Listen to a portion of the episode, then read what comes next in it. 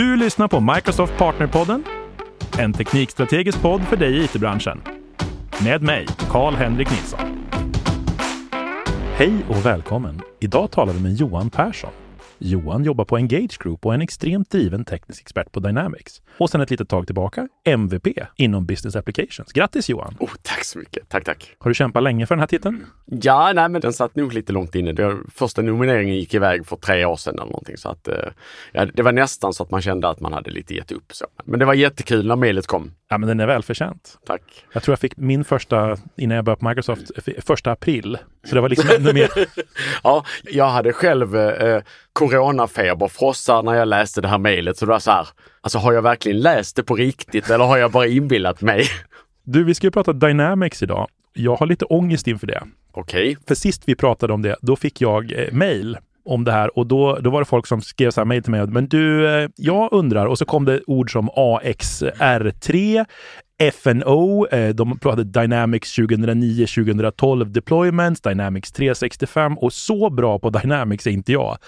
Vi kanske ska börja det här avsnittet med att bara reda ut vad är skillnaden och varför är folk så förvirrade? Alltså jag förstår inte varför du inte förstod, för det är, det är fullständigt glasklart. Alltså om vi börjar från början så fanns det ju då ett antal Axapta-versioner tidigare och sen hade vi AX29 och sen hade vi AX2012, R1, R2 och R3. Och sen så börjar man då jobba på det här som idag då kallas för Dynamics 365 for Finance and Operations. Som sen dess har haft ungefär sju olika namn. Så att jag förstår inte att du kan vara förvirrad överhuvudtaget. Dessutom är det då så att innan Finance and Operations började tillverkas så fanns det en produkt från Microsoft som hette Dynamics 365. Det var den som innan dess hette Microsoft CRM. Och när den flyttade till molnet så hette den först CRM Online och sen så hette den Dynamics 365 bara.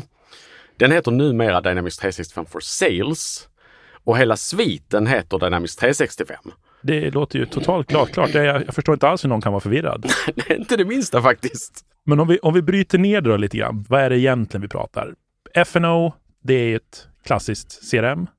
Nej, FNO är ett ERP-system. Alltså det är efterföljaren till det som kallades för Axapta och det som kallades för AX. Så det är ett ERP-system som då ingår i sviten Dynamics 365 tillsammans med Sales Customer Engagement som är då det, det som förr hette CRM. Sen har man ju ytterligare brutit ner eh, Finance and Operations då i Finance, Supply Chain Management och Commerce. Alltså ren finans, ren supply chain, alltså lager och tillverkning och sådär. Och sen då slutligen retail som är då butiker eller e-commerce eller vad det nu är. Liksom. Det här går ju ganska i linje med det vi har, det vi tänker för Microsoft 365 och hela den grejen. Man ska köpa precis de moduler och de, de behov man har. Ja, precis. Vi, så här, rent krasst så är vi inte, vi är inte fullt ut där än. Vi, vi är mitt i den här transitionen nu för man köper de komponenterna som man ska ha. Um, än så länge så har det slagit igenom på licenssidan. Men så vitt jag vet har man inte riktigt liksom tryckt på switchen så att det faktiskt implementeras rent tekniskt än så länge. På CRM-sidan har man ju brutit isär de här bitarna fullt ut, men på FNO-sidan så är det fortfarande tekniskt sett samma produkt. Det känns som att man är på väg till ett bra ställe med Dynamics. Det jag grundar det på att de jag känner som jobbar med det är mycket gladare idag än de var för några år sedan. Ja, nej, men så kan det nog vara. Eh, det är ju framförallt ur ett, ur ett tekniskt perspektiv som är det jag jobbar med, så är ju hela utvecklingsstoryn kring FNO och framförallt uppdateringsidén kring hur man ska sköta det är betydligt bättre än vad den var. För jag har inte jobbat jättelänge med, med ERP, med AX. Och när jag kom in i det här så var min första fråga var liksom, ja men hur, hur uppgraderar man systemet eller hur uppdaterar man till nästa version? Det tragiska svaret jag fick då det var, det gör man inte, för det är för jobbigt. Då blev jag sådär, jag kommer ju från en infrastrukturbakgrund där vi har haft, hade haft Windows Update i typ 17 år eller någonting. Och var vana vid att varje månad så kommer det en bunt med uppdateringar och de, de lägger vi på. Och i början så hade vi väl egentligen samma inställning att, att det här måste ju testas och testas och testas och testas. Men man kom ju till ett läge där det var så här, nej, vi behöver nog inte testa det. Vi kan nog bara så här slänga på saker och de få gånger saker slutar funka så kanske vi har istället en process för att liksom hantera det. Det är lite intressant då när du, när du pratar om det. Hur gör vi egentligen då med uppdateringar? Hur ska vi tänka kring uppdateringar för Dynamics? Hur ska vi sköta, jag antar att ni också kallar det för Ja, vi kallar det för DevOps numera på utvecklarsidan, men jag vet att Dynamics-människor brukar ha en förslek för fortfarande kalla det för ALM, Application Lifecycle Management. Vi har nog inte riktigt mognat in i DevOps-tänket fullt ut. Vi är inte riktigt där än. Vi skulle gärna vilja att det blir så och, och på ett mer, vad ska man säga, på ett mer strukturellt plan så är vi nog där redan nu. Men på ett tekniskt plan så är vi inte riktigt där än. Men det som är den stora förändringen med Finance and Operations eh, i och med att man då släppte det som kallas för FNO idag, är ju då att man numera släpper åtta stycken uppdateringar om året. I praktiken är det en i månaden men man har skippat vissa månader. Man tycker att det kanske är opraktiskt att släppa en över jul och mitt i sommaren och sådär för då vill folk vara lediga och inte behöva jobba. Och det var väl det som var den största skillnaden när man gick från AX till Finance and Operations var att man var tvungen att liksom förhålla sig till de här uppdateringarna. Därför att de är liksom inte optional. Man kan hoppa över några stycken. Maxgränsen du kan hoppa över är tre stycken. Och sen måste du fortfarande ta tag i din uppdatering. Så du kan liksom inte ducka hur länge som helst för det här, utan du måste någonstans liksom ha med det här i din regelbundna skötsel av systemet. Man måste ha en process egentligen för hur man applicerar uppdateringar, när man applicerar uppdateringar och Ja, man måste framförallt ha en process kring hur man testar uppdateringar. Just nu så är vi lite grann i det här att man vill ju fortfarande testa saker väldigt, väldigt rigoröst. Jag tror det vi kommer att hamna i förlängningen är att man kommer att automatisera betydligt mer tester än vad man gör idag. Det är inte sån grej som man har gjort speciellt mycket sedan tidigare. Men jag tror framförallt att man kommer att skopa sina tester på ett helt annat sätt än vad man gör idag. Det vill säga man kommer att kunna säga att det här behöver vi testa. Microsoft har uppdaterat alla de här sakerna.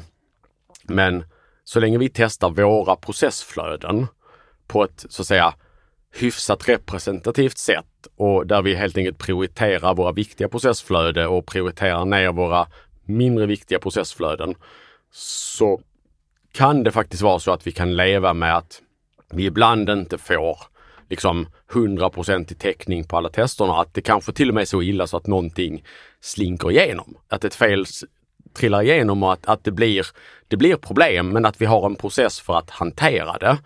Och att våra, vår, vår scopning av testerna helt enkelt gör att de sakerna som vi kanske då får problem med är inte saker som vi ett använder varje dag.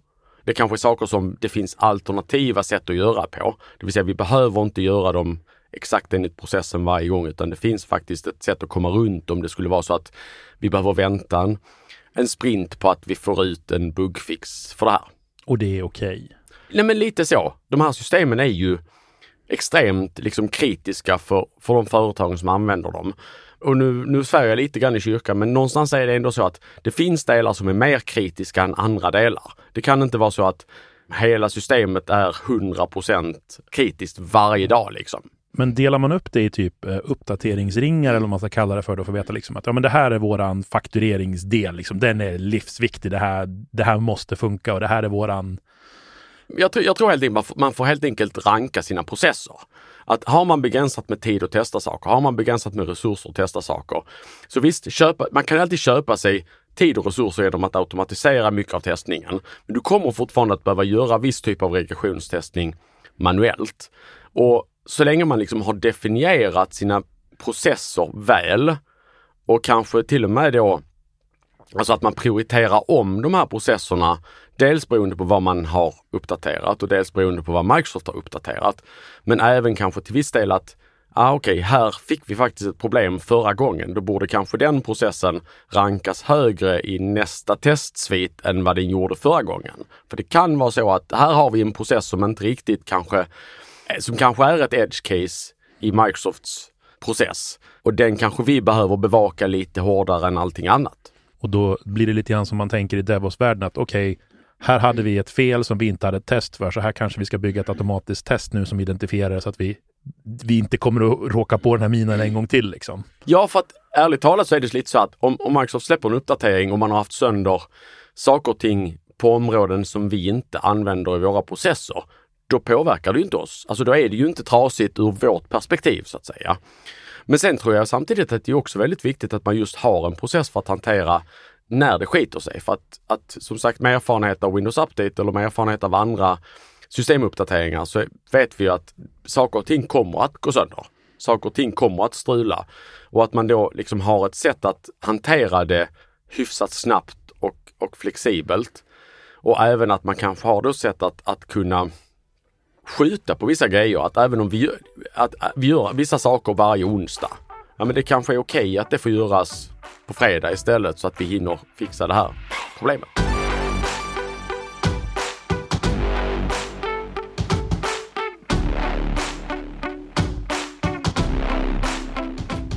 Jag vet att när du och jag satt och pratade tidigare om det här, då nämnde du eh, någonting om att det är otroligt viktigt att ha förvaltningsbarhet som krav. Ja, för, för det var ju en grej jag konstaterade när man höll på med AX 2012. Det var just det här att, att eftersom inga kunder eller kunderna undvek uppdateringar som pesten. Det innebar också att när man då kravställde ett system från en partner så var det ganska ofta så att förvaltningsbarhet var inte liksom ett måste-krav. Att kunna uppdatera saker var inte ett måste-krav. Och det hängde delvis ihop med hur, hur anpassningar byggdes i, i AX, alltså i det gamla systemet. Det var ju så att man kunde i princip modifiera varenda kodrad som Microsoft hade släppt i systemet till hur man själv vill ha det. Det säger sig själv då att om jag då helt plötsligt lägger på en uppdatering från Microsoft så kommer den ju att återställa de kodraderna eller kanske skapa konflikt med det som jag har gjort anpassningar i. Och det är en av de stora grejerna eh, som är skillnaden i Finance and Operations. Det är att, att nu har Microsoft skapat så kallade extension points, det vill säga här kan du skriva kod. I det här fönstret kan du skriva kod. Du kan skriva hur mycket kod du vill. Den kommer att exekveras här. Du kommer behöva hantera hur den förhåller sig till Microsofts kod. Men vi tänker inte röra den här koden, vilket också innebär att när vi lägger på en uppdatering så kommer det här fönstret fortfarande vara öppet och du kan fortfarande lägga din kod. Därmed inte sagt att den kommer att kunna bete sig exakt likadant för att det kommer att ske förändringar.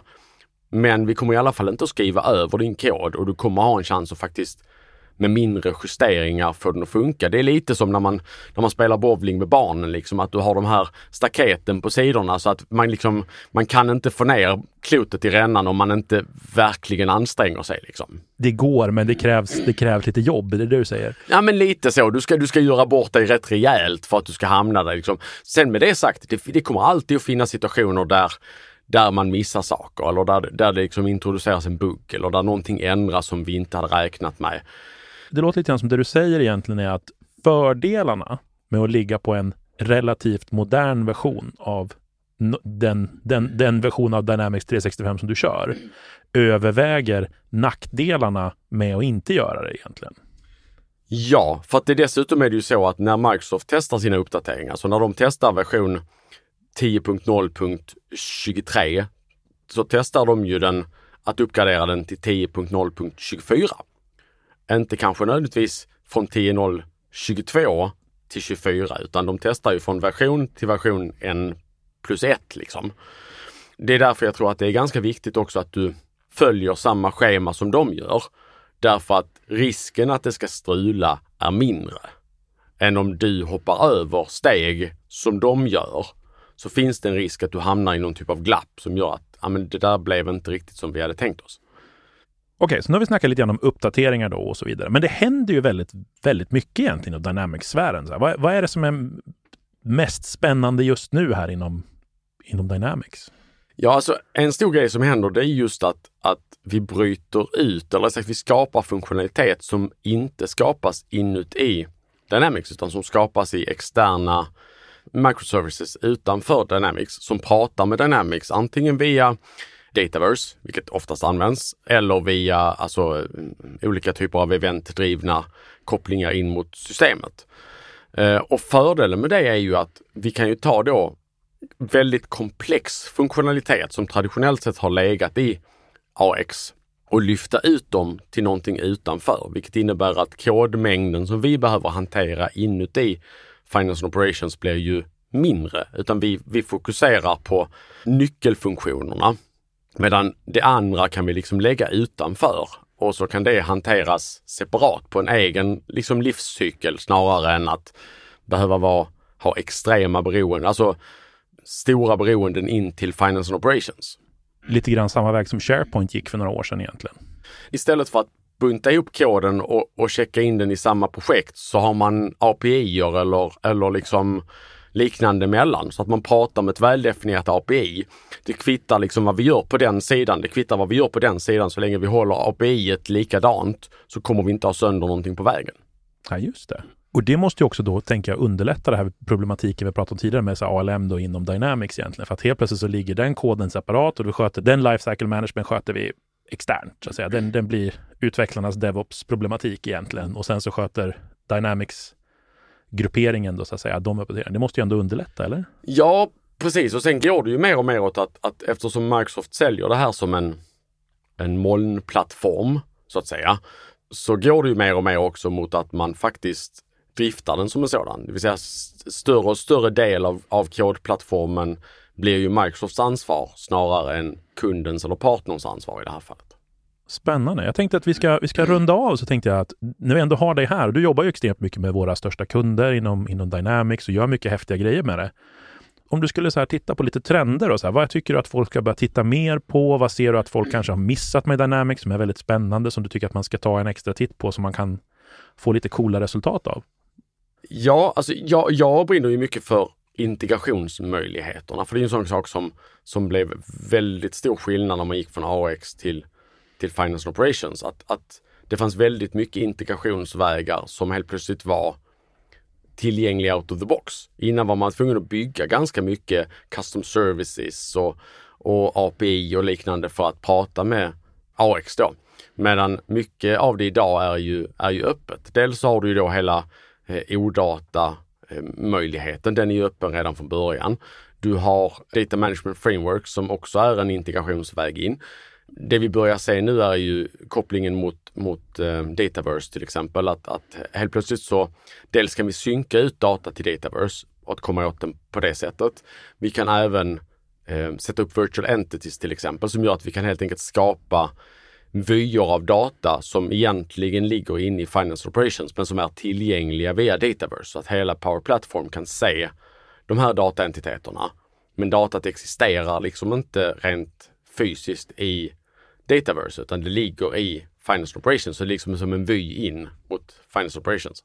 Det låter ju jättecoolt egentligen. Så man kan bygga en Power App i Power Platform och sen egentligen då exponera precis det datat som den här gruppen av konsumenter behöver, eller kanske till och med filtrera baserat på vilken roll du har i organisationen så får du liksom den, den typen av information som du... Ja, så här i grund och botten, det var ju det jag reagerade på när jag började jobba med AX. Det var ju att det första man tänker när man loggar in i AX det är jaha, och, och vad ska jag göra nu? Alltså det är, ett, det är ett väldigt komplext system. Det är ett väldigt specialiserat system för en väldigt specialiserad grupp av människor inom ett företag.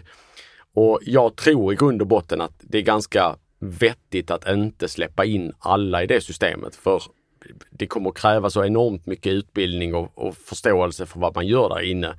Så att det är förmodligen enklare att på något vis kunna exponera datat utanför för de som inte behöver vara där.